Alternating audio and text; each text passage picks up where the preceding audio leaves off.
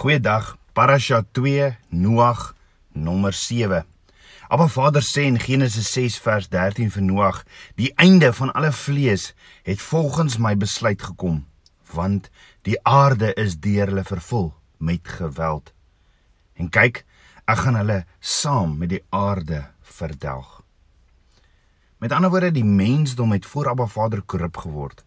Wat veroorsaak het dat hy hulle van die aarde moes afvee en dit word direk met Romeine 3 vers 23 verbind wat sê want almal het gesondag en dit ontbreek hulle aan die heerlikheid van God. As ook word dit verbind met Romeine 6 vers 23 wat sê want die loon van die sonde is die dood, maar die genadegawe van God is die ewige lewe in Christus Jesus ons Here.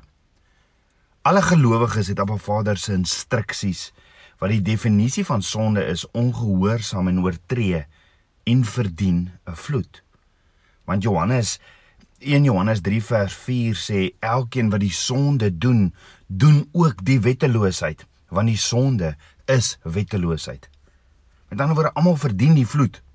Maar soos daar 'n ark was wat Noag en sy familie gered het, soos daar ook vandag 'n ark wat my en jou red van die komende oordeel en dis die reddingsark van Yeshua ons Messias.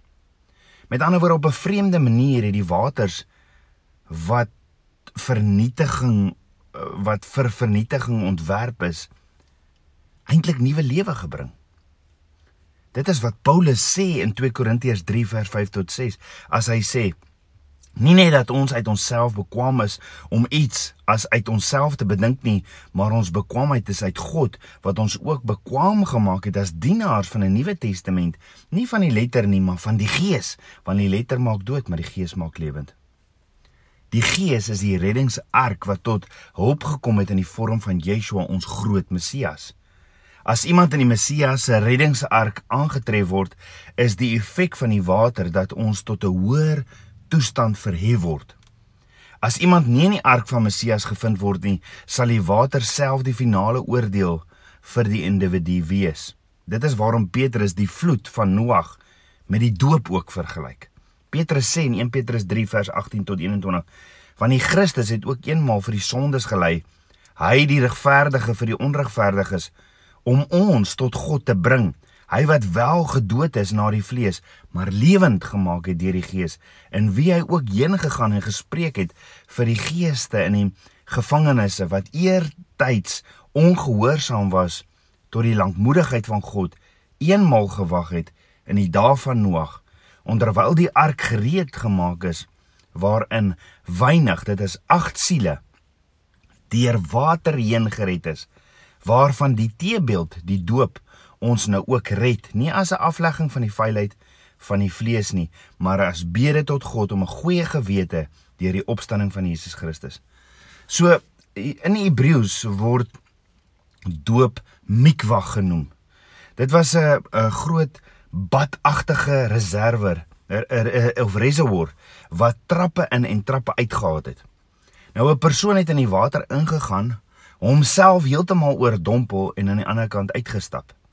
Dit was gevul met lewende water, water wat voortdurend in beweging was. En was en wat sou gebeur het is dat wanneer iemand daarin ingaan, dat hierdie persoon se liggaamassa die watervlak sou verhoog het. En die boonste laag water wat nou vuil was, sou gedwing geword het om met die uitvoerkanaal uit te loop. Dis dan waar nuwe skoon water bygevoeg word om die watervlak vir die volgende persoon weer te verhoog. Hierdie konsep om deur water te gaan om gered te word, kom al so ver terug soos Genesis 1.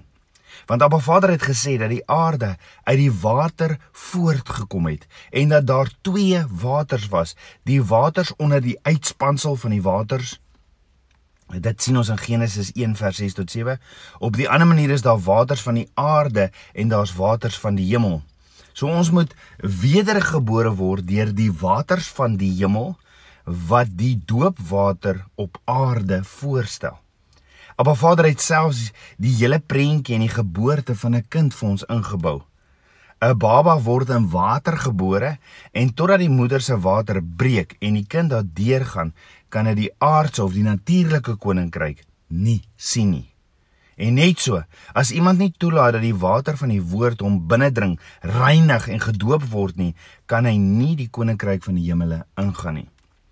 Na Abba Vader sy kinders gered het uit Egipte uit deur die bloed van die lam, is hulle ook deur 'n mikwa, die Rooi See, waters om tot wedergebore te kom. Net so in die geval met Noag en sy familie, die mense van Noag se tyd het gesterf en Noag en sy gesin is deur die water gered. Net so het Farao se leer gesterf vir hulle boosheid en Mosesheid, ag en Moses en sy groot familie is gered deur die water. Toe albei gesinne op droë grond terugkom, is hulle vyand vernietig en 'n nuwe lewe het ontstaan. In beide gevalle het hulle proewing beproewings verander in bevordering. Ons sien hierdie konsep reg deur Abba Vader se woord. Self sien ons dit in die tabernakel waarna ons nog gaan kyk. Jy kry eers die kruis, die bron, bronsaltaar en dan die mikwa, die die waterbad. Die die waskolom. Jy sien die mikwa is nie 'n een eenmalige gebeurtenis nie. Dit is deel van 'n leeftyd van voortdurende reiniging want in die lewe op aarde word ons onrein. So as jy mooi kyk, sal jy agterkom dat daar voor elke groot oorwinning en voor elke groot promosie daar altyd 'n mikwa is, 'n groot reinigingsproses. Toe Yeshua met sy bediening begin het, moes hy deur Johannes gedoop word, gemikwa word en toe begin hy met sy bediening. Jy sien die patroon wat in Noag se vloed begevind word is diep maar is vandag net so toepaslik soos dit gebeur het.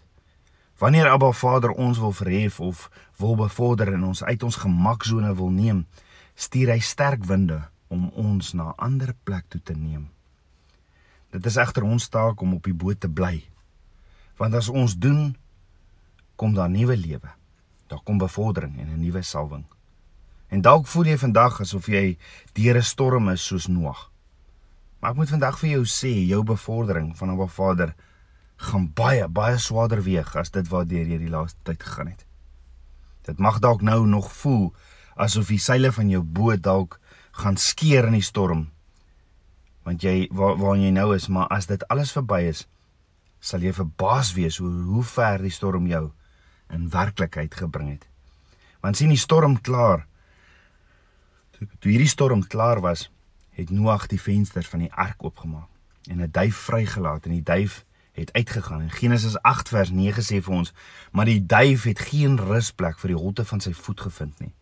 En het na Noag toe teruggekeer in die ark want die waters was oor die hele aarde.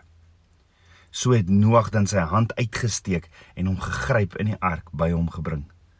Ja Noag het sy hand uitgesteek en die duif gegryp en hom ingebring. Met ander woorde Noag het geleer om Ruach HaKodesh, die Heilige Gees, welkom en tuis te laat voel.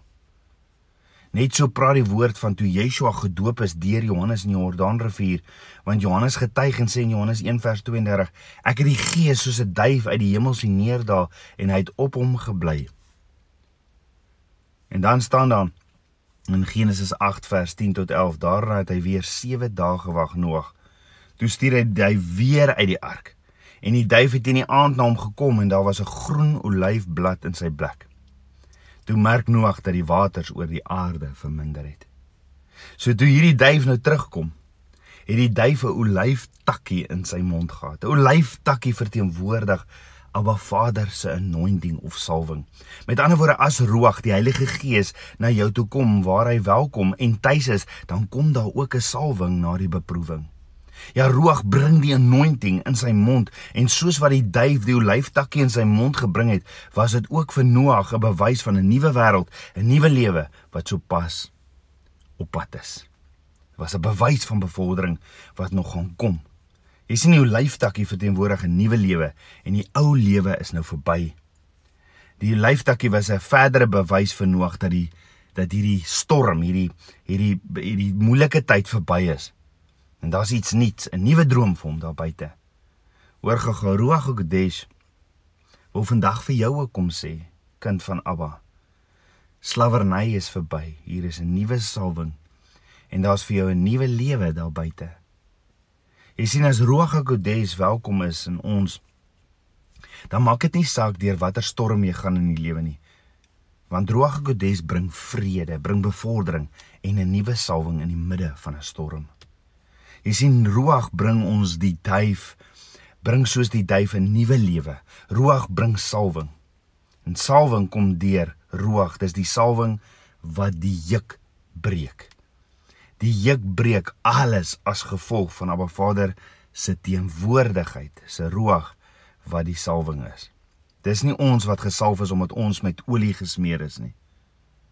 Nee, jy's gesalf omdat jy in sy teenwoordigheid, omdat jy sy teenwoordigheid dra en sy teenwoordigheid bring die salwing wat genees. Ja, Yeshua sê in Johannes 8 vers 12: Ek is die lig van die wêreld. Wie my volg sal sekerlik nie in die duisternis wandel nie, maar sal die lig van die lewe hê. En dan sê Yeshua verder in Matteus 5 vers 14: Julle is die lig van die wêreld. 'n Stad wat bo op 'n berg lê, kan nie weggesteek word nie.